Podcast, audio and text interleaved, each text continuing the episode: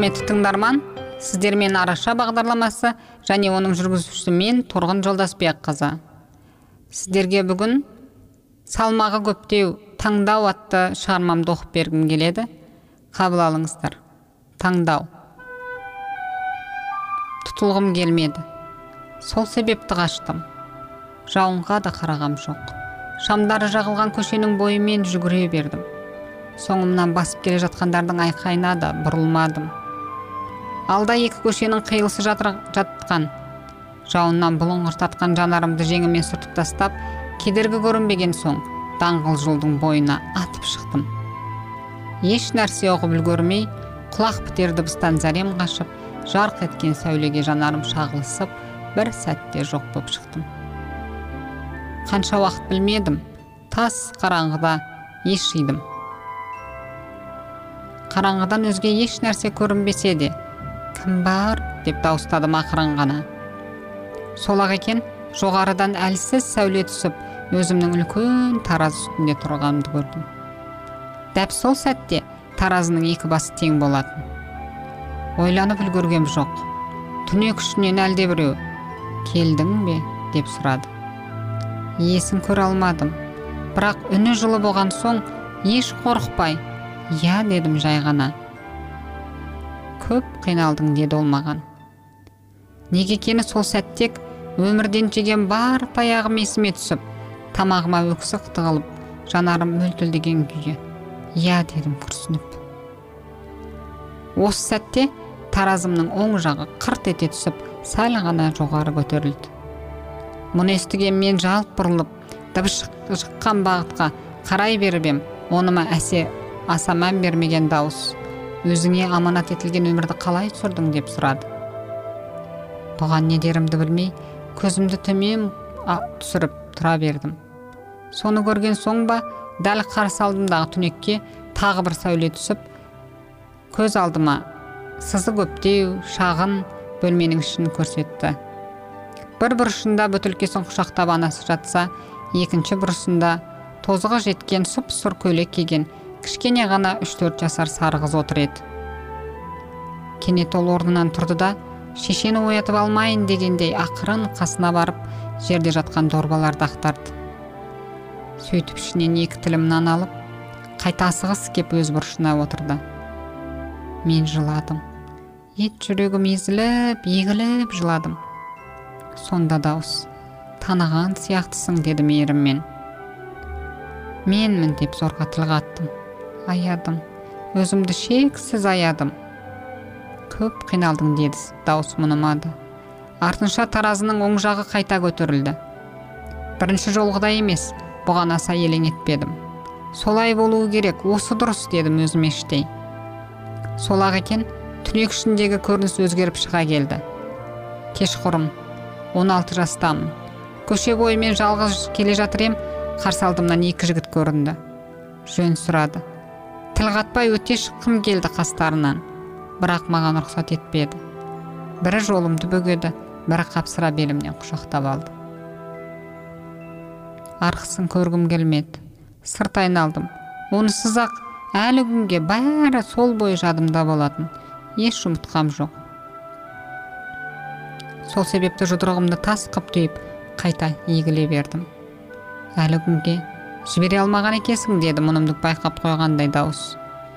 Жіберу? дедім өз құлағым өзіме сенбей. Жан жағыма алақ жұлақ қарап. Иә деді дауыс ақырын ғана. Көз жасыма қарамады қорлады адам құрлы көрмеді. Таптап өте шықты мына мені деп көкірегімді соғып тұрып ашына сөйлеп жатыр ем. Білемін деді ол. Сол баяғы сабырлы үнмен мұнына мұнысына күйіп кетердей боп алдыға атқып шыққалы келе жатыр ем. Уақыты келер.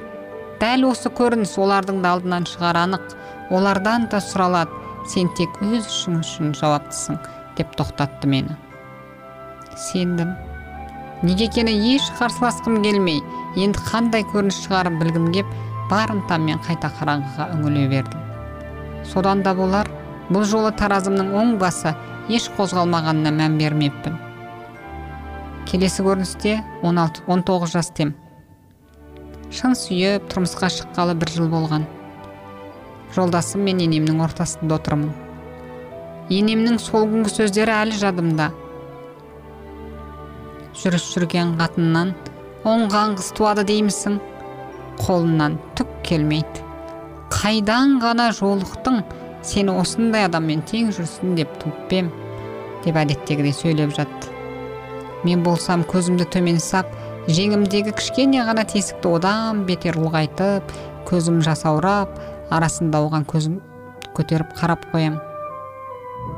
Өзім таңдадым сүйемін бәрін білемін дәл осылай білерім боларын біліп тимеймін дегенде де бір адамның ренжітуіне жол бермеймін. Өзім қорғаймын деп ант еттім. Демеді бірақ ол сол күні. Соңына дейін шыдауға төзімім жетпеді. Ішіп отырған асты төңкеріп тастадым да екеуіне бірдей лағнет айтып өз бөлмеме кірдім. Ішімдікті де мен алғаш рет сол күні іштім. Мұным, өзіме дәл қазір таразы үстінде тұрғанда қате болып көрінсе де өзгеше әрекет ете алғам жоқ. Күйіп кеттім дедім мен оған. Анамнан алған тәрбие де бар. Ол маған қалай өмір сүру керек екенін үйрете алған жоқ қой деп ақталдым. Бұған дауыс. Есесіне ол саған қалай өмір сүрмеу керек екенін өте жақсы көрсетті ғой. Ішімдік ішкен анаңның өмірі қалай өткенін сенен жақсы білетін жан бар ма деді ақырын ғана. Жоқ жоқ. Үнінде еш кінәрту жоқ болатын оның. Керісінше өкініш бар. Десе де сол сәтте таразымның сол жағы сықырт ете түсті. Онымен бірге менің жүрегім де зырқ ете қалғанымен қарсы келе алмадым. Келесі көрініс. Жиырма бір жастамын. Ажырасып кеткеніме міне бір жыл болған. Қайта шешемнен қалған бір бөлмелі пәтердемін. Ашпын. Білімім де жоқ. Қолымнан расында түк келмейтін. Бір жүргенде енем қанша тірлікке бейімдегісі келгенімен өзіме бала күннен көрген азабым жеткілікті көрініп оның түртпегінсіз ақ бақытсыз екенімді алдыға тарта беруші ем міне енді қасарысып илеуіне көнбеген соң нан тауып жеудің өзге амалын таппай ермектің дегеніне көніп сол күні алғаш рет көшеге өз тәнімді саудалауға шықтым. Бұл көріністен кейін тіпті ақталарға сөз таппадым. Дауыс та мені қыспаққа алмады. Тек таразымның сол жағы қайта дыбыстап екі басы теңелді. Келесі көріністен не күтерімді білмей жалтақ қараймын мен қайта түнекке. Жиырма екі жаста ем. Әлі көшеде табыс табам. Бұған етім үйренгелі қашан? Құрбым екеуміз түнделетіп тамханаға кірдік. Іште отырған жігіт көзіме оттай басылып есік аузында кідірдім.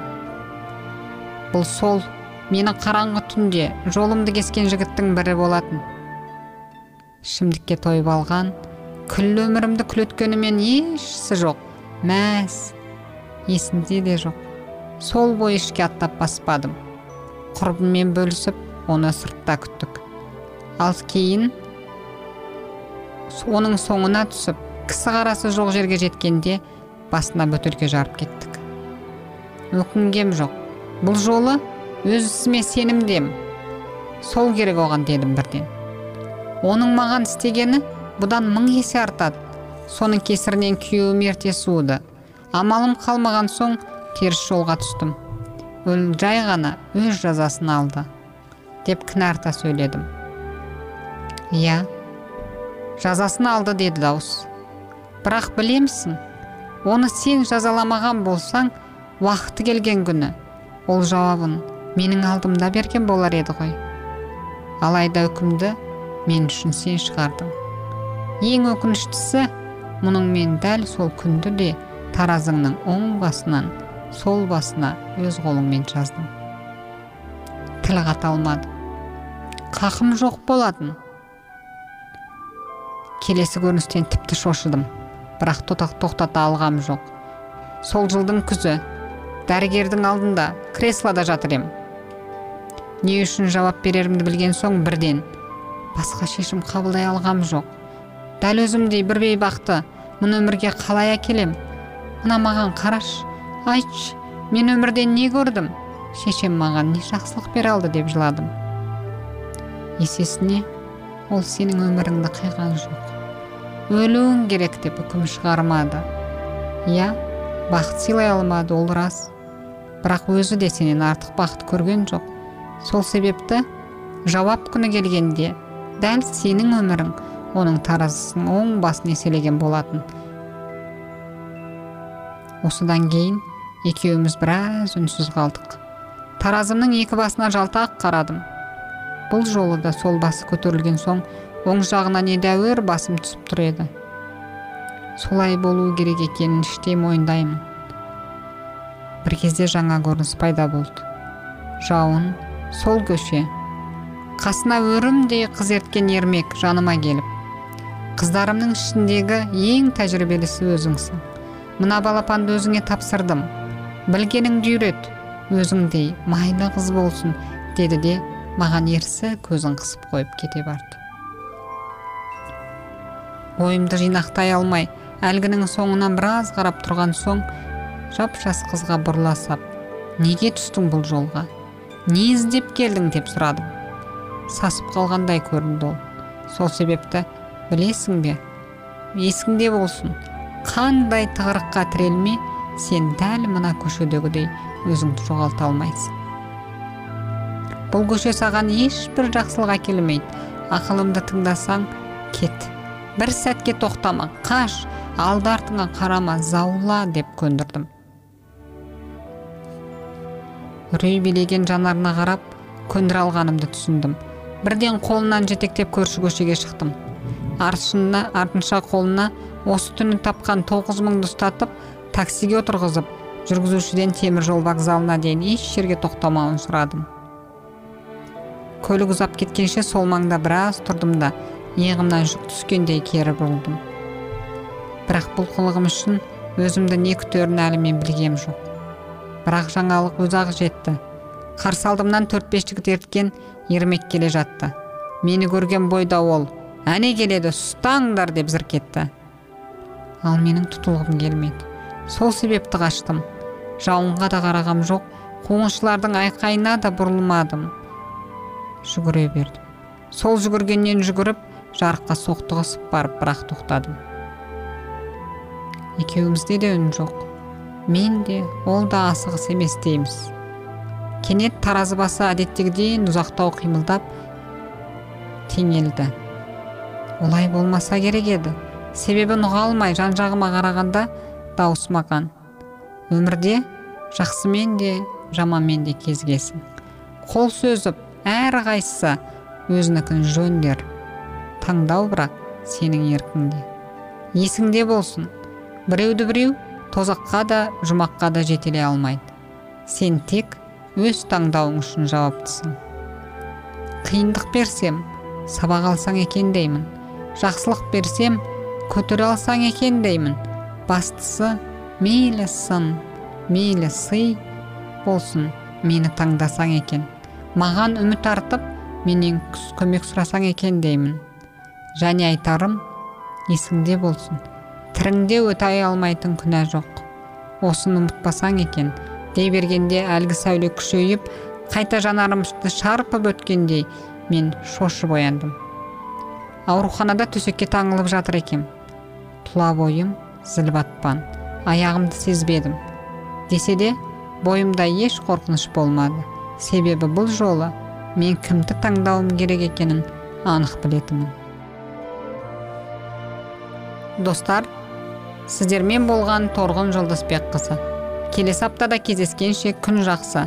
Аман сау болып тұрыңыздар.